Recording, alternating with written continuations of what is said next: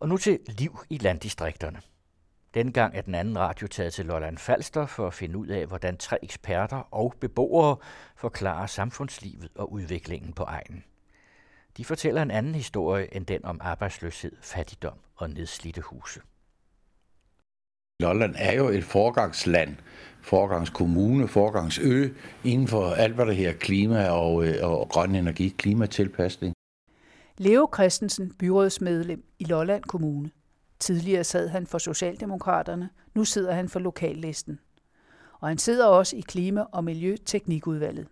Han er uddannet elektriker og elinstallatør og har været ansat i kommunen. For uden at være kommunalpolitiker er han i dag frivillig rundviser på Visual Climate Center i Holeby og har mange års erfaring med rejser for blandt andet Udenrigsministeriet i klimaspørgsmål.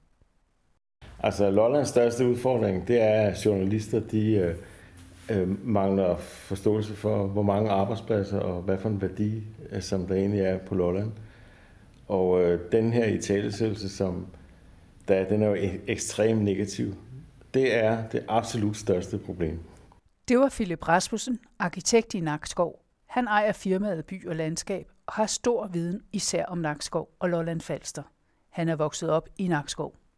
Altså, jeg synes egentlig, at når man kigger på sådan imagemæssigt, øh, og man kigger på Lolland Falster, så har man selvfølgelig, øh, kan man sige, nogle udfordringer kvæg mange øh, negative øh, historier. Men, men det er også noget, som jeg tror, at, at man selv bruger mere kraftigt, fordi når jeg snakker med virksomheder uden for vores område, så er det nødvendigvis ikke det, de tænker på, fordi der har man et helt andet fokus, der har man et perspektiv, der hedder virksomhedens perspektiv. Og her til sidst var det Mikkel Vesselhoff, direktør for Business LF. Business LF drives af de to kommuner Lolland og Guldborgsund og er erhvervslivet. Det er en såkaldt erhvervsfremmeorganisation med 400 medlemsvirksomheder.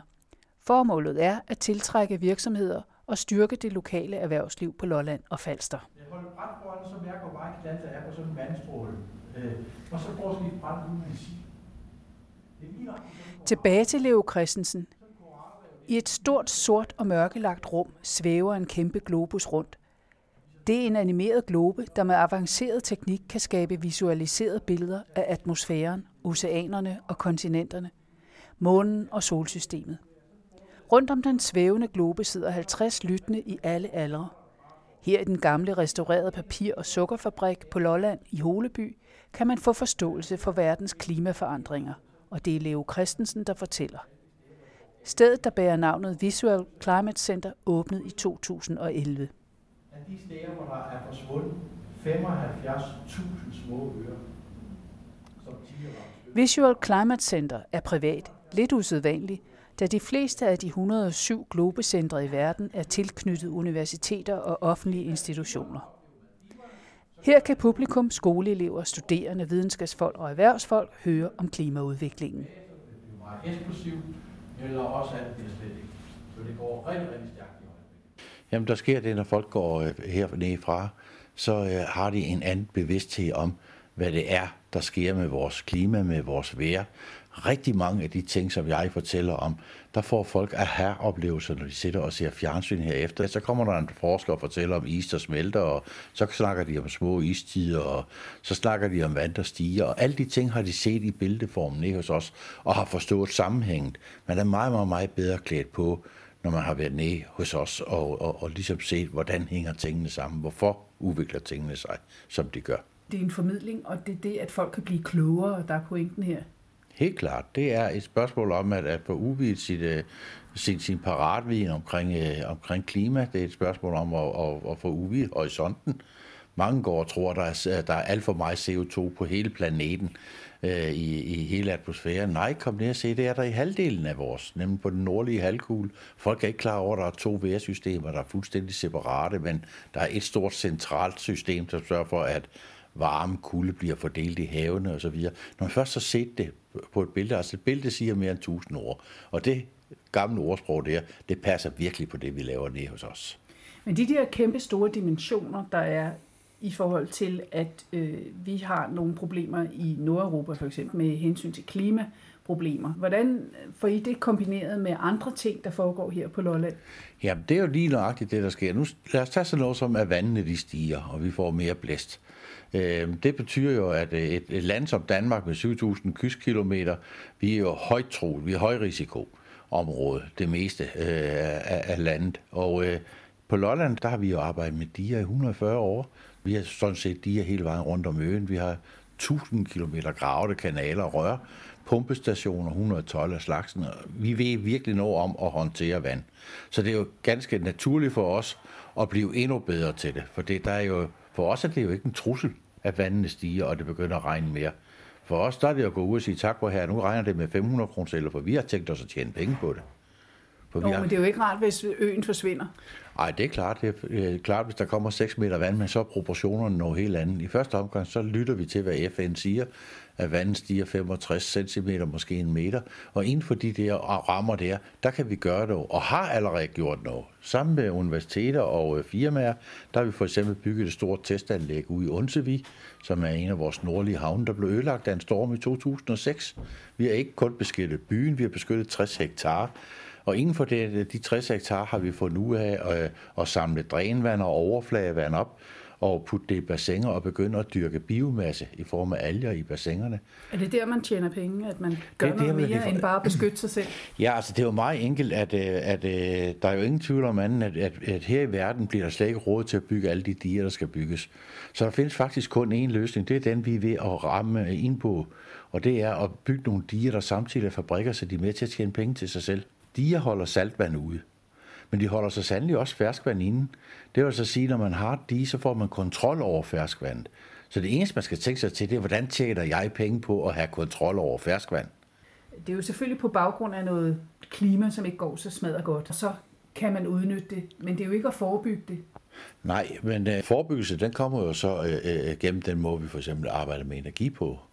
For uh, uh, hvorfor kommer der ja, så mange japanere til, til Lolland altid?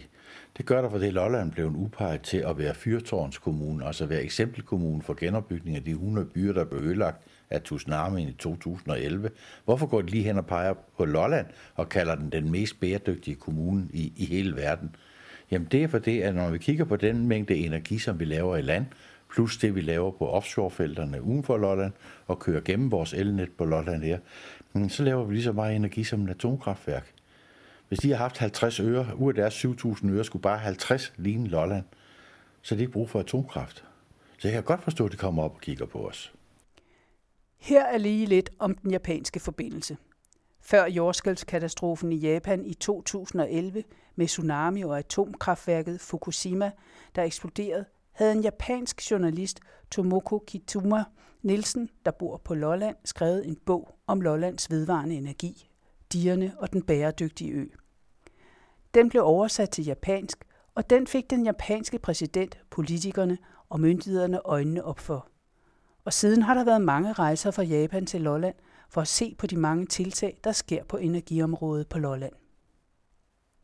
Men knap så langt væk har andre også haft øje for Lolland, og på en helt anden måde, nemlig TV2, der i foråret 2015 sendte serien med titlen Nakskov på røven – og det fokus er selvfølgelig ikke attraktivt. Philip Rasmussen, arkitekt og Nakskovit, med virksomhed i både Nakskov, København og samarbejdspartner i Japan. Han mener, at journalisterne skaber et vrangbillede af, hvad der foregår på Lolland Falster. Han giver her et svar på tiltale. Det gør, at virksomheder har svært ved at tiltrække kvalificeret arbejdskraft, fordi at øh, folk får en øh, oplevelse, som ikke er i balance med den virkelighed, som der er. Ikke? Øh, det er fuldstændig rigtigt, at der er sociale udfordringer. De går nok ikke lige så store, som der er i København, vel, men det er fuldstændig rigtigt, at øh, der er øh, udfordringer. Det mener jeg at vi er rigtig dygtige til at håndtere en by som Naskov, som er øh, rummelig og som har masser af hjertevarme og som har erfaring i øh, at håndtere øh, på grund af det DNA, der er i Naskov, hvor der er altid været en industri, som har været meget følsom over for internationale konjunkturer, som også indimellem har skabt fattigdom. Men det synes jeg faktisk, at der er en historisk forklaring på, at byen er dygtig til at rumme. Ikke? Men det er bare den eneste historie, der bliver fortalt uden for Lolland. Det er også det, der afstedkom øh, den øh, folkelige modstand i foråret, da TV2 lancerede en øh, udsendelse om prøven i Nakskøj. Det er vi rigtig sure over. Men vi er ikke sure over, at man sætter fokus på fattigdom. Det vil vi faktisk rigtig gerne have, at man gør. Fordi jeg synes, der er rigtig meget grund til at være stolt over, hvordan byen er dygtig til at håndtere indvandrere, og dygtig til at håndtere folk, der er på kanten af samfundet. Og det er absolut ikke rosenrødt, men altså, man kan trods alt få tag over hovedet som fattig på Lolland, ikke? Det kan man også i København, hvis man øvrigt kan kalde det et tag af betonbuen ude under øh, jernbanebroen i Sydhavn, hvor hjemløse hver nat kører sammen for at prøve at få lidt varme. Ikke? Altså i Danmark, der er der regnet med små 6.000 hjemløse. Og øh, TV2 har så fundet seks familier i Nakskov, som man bilder resten af landet ind, at det er sådan, vi lever i Nakskov. Og det er vi skidesure over. Det synes vi er rigtig, rigtig dårlig karma, at man skal bruge øh, den her egen som øh, slagmark til at lave øh, lortejournalistik. Set fra organisationen Business LF's vinkel tegner billedet sig knap så sort, som Philip Rasmussen ridsede op. Business LF blev etableret i 2011 for at samle organisationer og virksomheder under et, så der kunne komme bedre gennemslagskraft over for omverdenen med henblik på erhvervs- og virksomhedsudvikling i området. Direktør Mikkel Wesselhoff. Når vi snakker med at tiltrække nye virksomheder til vores område, jamen så er det jo mere med, at det er en strategisk placering, der er rigtig, at det det rigtige marked, vi kan nå fra den her placering. Kan vi få den rigtige arbejdskraft? Har kommunen den rigtige planlægning, så vi rent faktisk kan etablere os med det, vi gerne vil? Øh, og det er sådan lidt en anden snak. Men vi møder selvfølgelig også den her, hvor man kan sige, at London Falster jo har et stigmatiseret image, og, og, og, og det er nogle, kan man sige, nogle af de her udfordringer, vi skal have arbejdet med, vi skal have kigget på. Men, men jeg vil også sige, at når man kigger på London Falster gennem statistikkerne, så ser man jo et billede. Men lige så vel som alle andre steder, så er der jo også rigtig mange lyspunkter. Og det er der altså også på Lolland Falster. Der er rigtig mange byområder, som har det rigtig, rigtig godt. Der er rigtig mange virksomheder, og virksomhedsområder, som har det rigtig, rigtig godt. Og det tror jeg, det er det, der er meget vigtigt at holde fast i. Der er mange store anlægsinvesteringer i øjeblikket i området. Det er for eksempel Femeren Bælt-forbindelsen, Storstrømsbroen, der skal renoveres, udvidelsen af motorveje, jernbane, sygehus. Business LF ser lyst på fremtiden. En af de ting, vi gjorde faktisk tilbage til to, i hvad det, 2011, det var som de første i landet at etablere Embassy of Lolland Falster, og det vil sige en ambassade i København. Og selvfølgelig var det jo ment som lidt for skæg, altså lidt skæg, fordi man snakker meget udkants Danmark tilbage i øh, 2011, og hvis det er så langt til hovedstaden, jamen så måtte vi hellere komme tættere på, og derfor skulle vi have en ambassade. Men det har også været medvirkende til, at vi har kunne fortælle nogle andre historier. Det tror jeg, det er egentlig nok det, der det handler om meget af det her, det er at sige, man kan godt være med på den her bølge og snakke tingene ned, øh, men hvor vi egentlig har valgt en anden tilgang, og så sige, at vi har så mange positive ting, og dem bliver vi nødt til at fokusere på.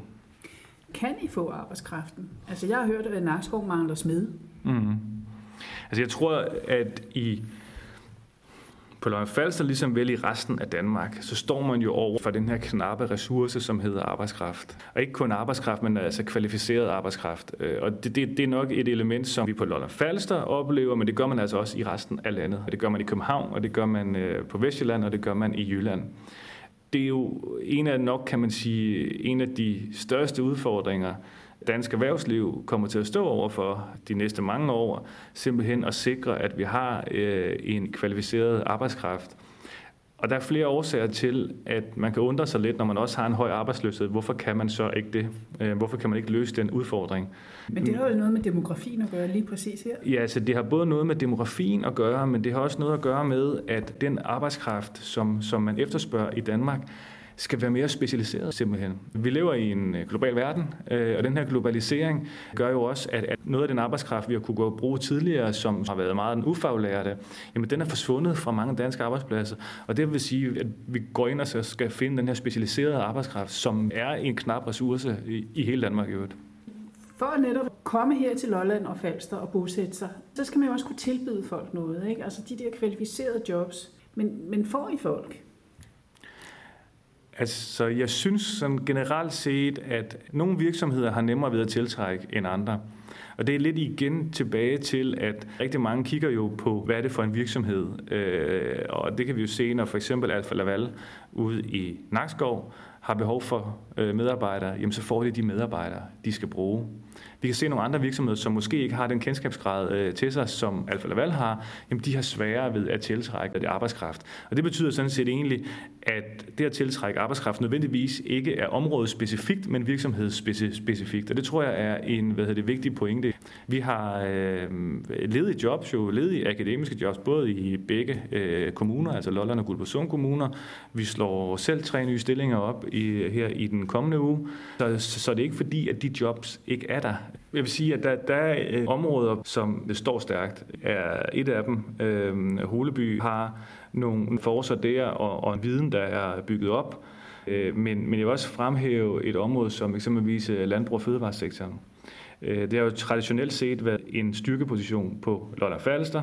Det er det stadigvæk. 25 procent af den private beskæftigelse er beskæftiget inden for landbrug- og fødevareområdet.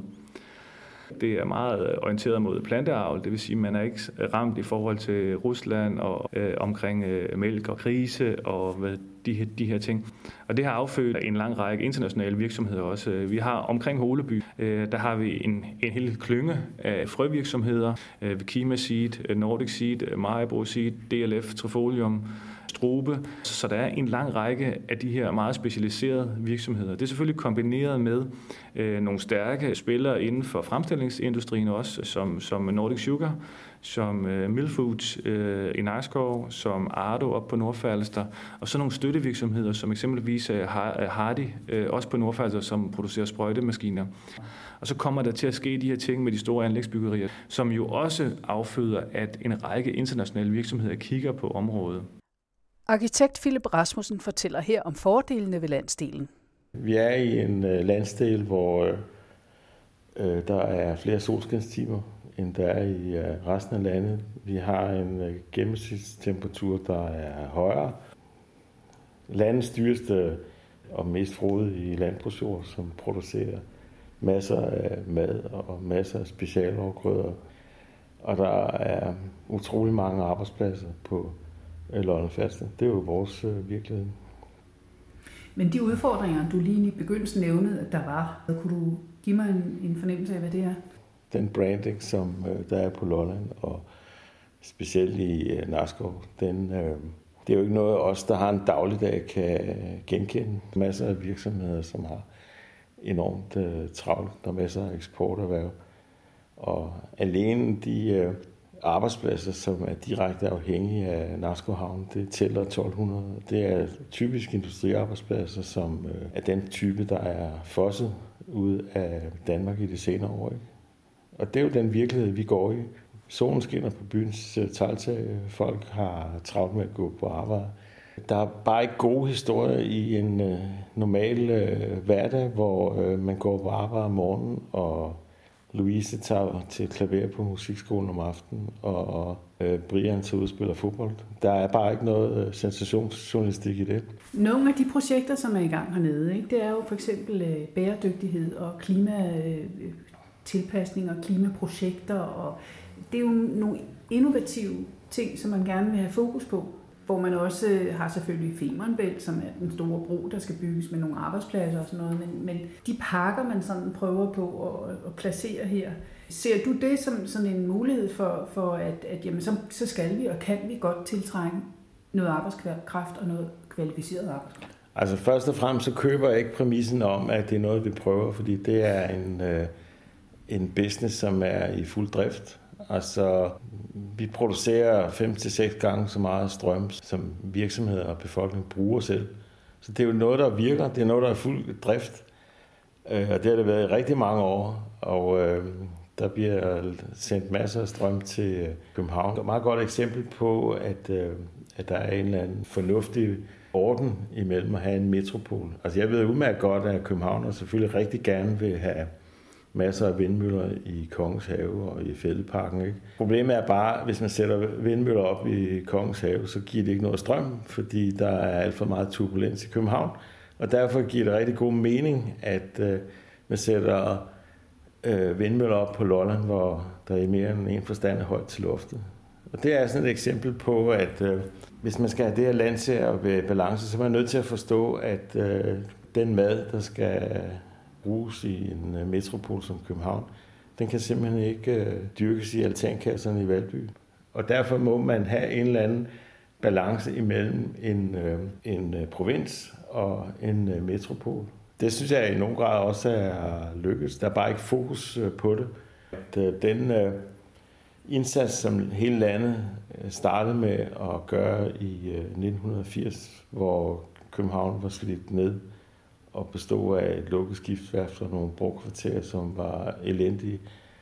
Der har den danske stat jo offret 100 øh, milliarder kroner på øh, sanering. Der er sat mange andre projekter i gang med Ørestaden og der er bygget fast forbindelse til øh, Sverige. Og alt det har været med til at gøre, at København øh, flere år i træk er blevet kåret til øh, verdens bedste by at bo i. Ikke? Og det har vi jo grund til at være stolte af alle sammen. Ikke?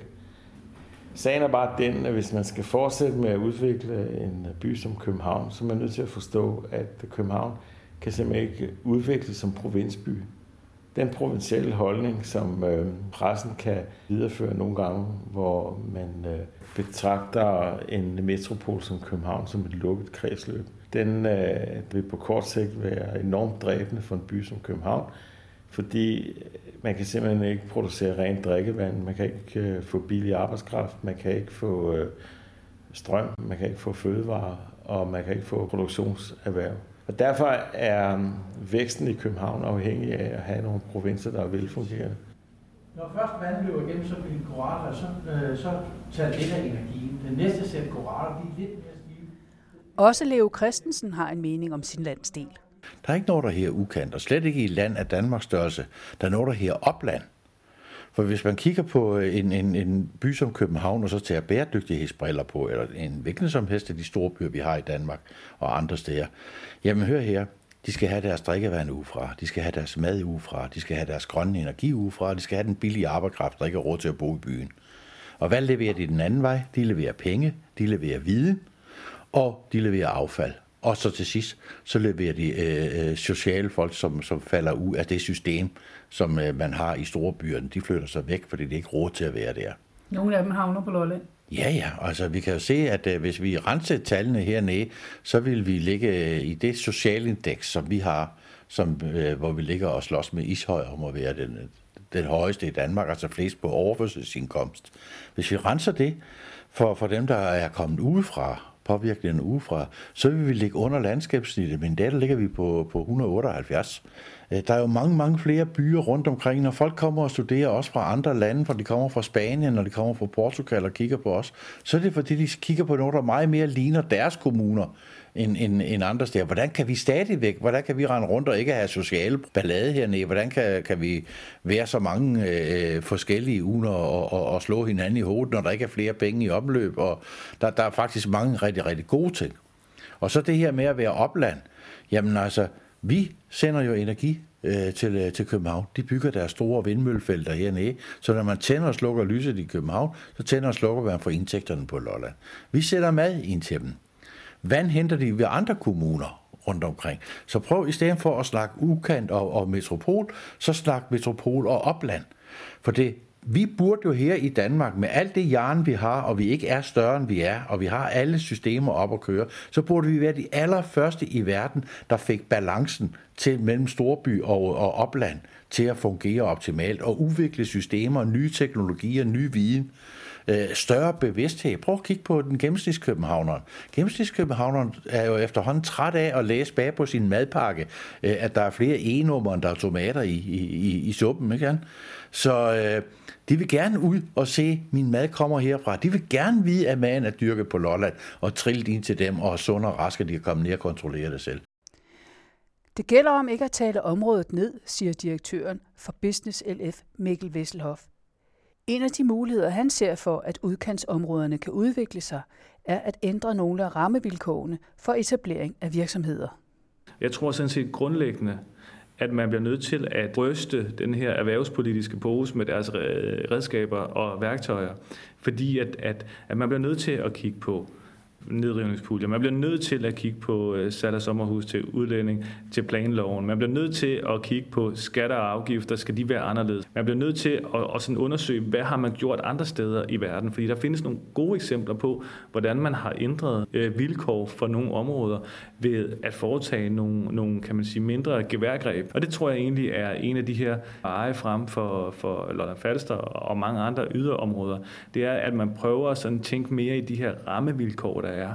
Det kan godt være, at det skal være lidt nemmere at øh, etablere en virksomhed på Lolland Falster, hvis det kan være med til at motivere nogle nye virksomheder.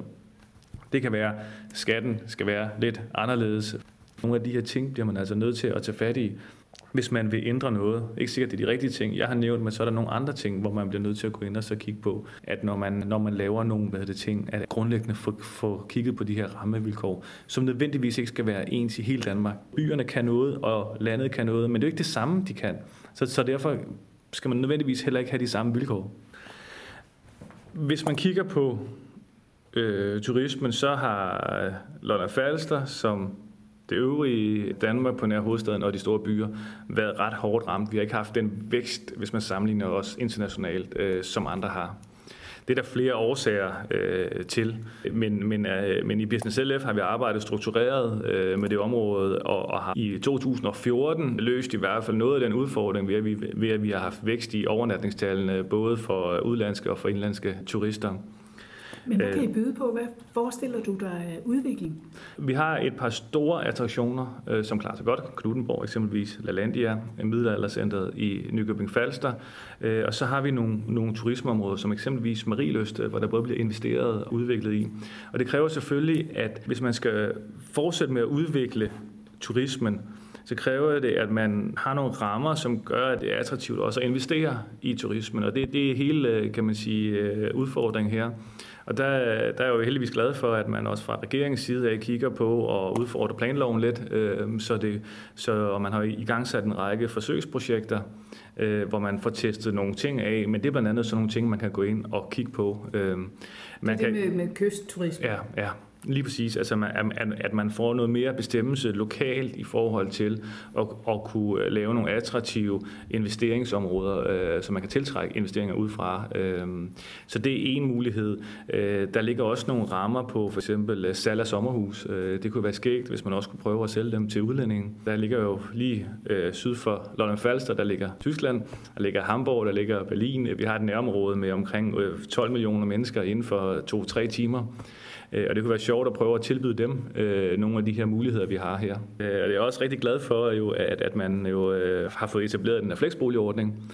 Det er en, en hvad det, mulighed, hvor, hvor man kan bruge nogle af de her, de her tomme huse som sommerhuse. Det er jo nogle af de her ting, nogle af de her geværgreb, man kan tage for, for at prøve at udvikle områderne.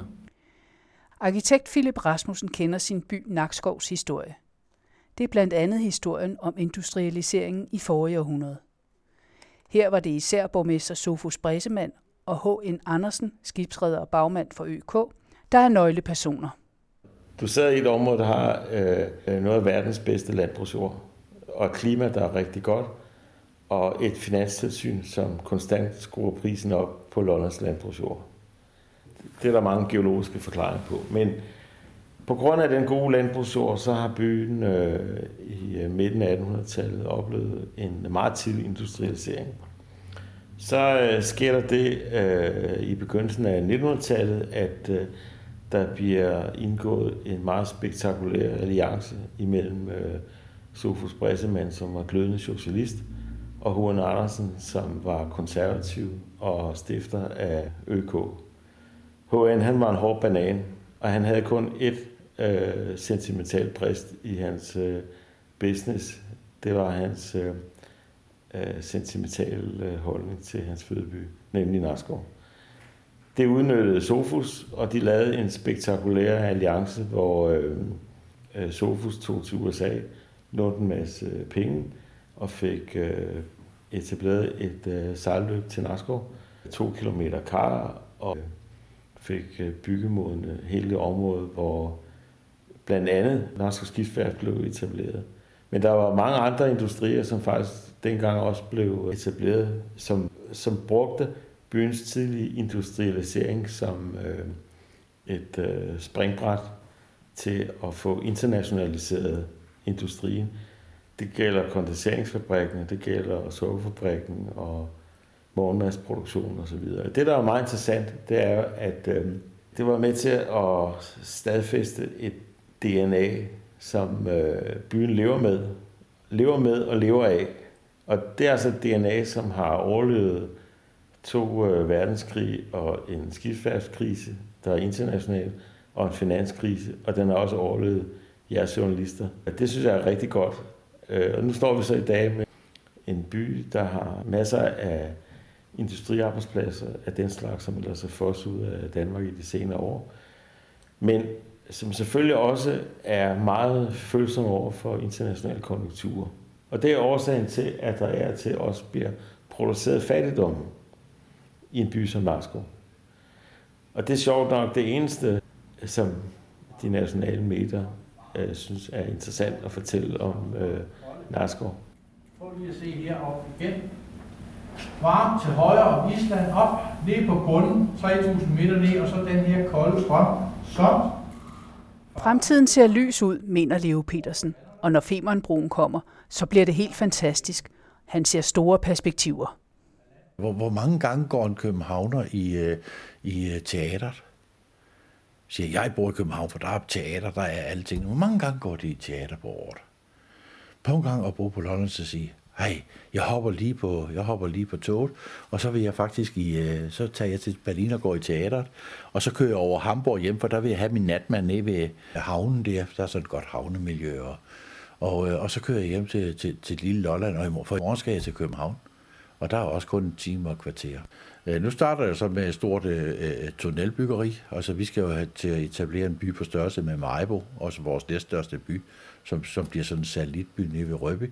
Vi skal i gang med at støbe en, øh, en, en bro. Vi skal bruge en ny øh, storstrømsbro, og den skal laves i Narskov. Så øh, arbejdspladserne kommer der, og, og det trækker folk til.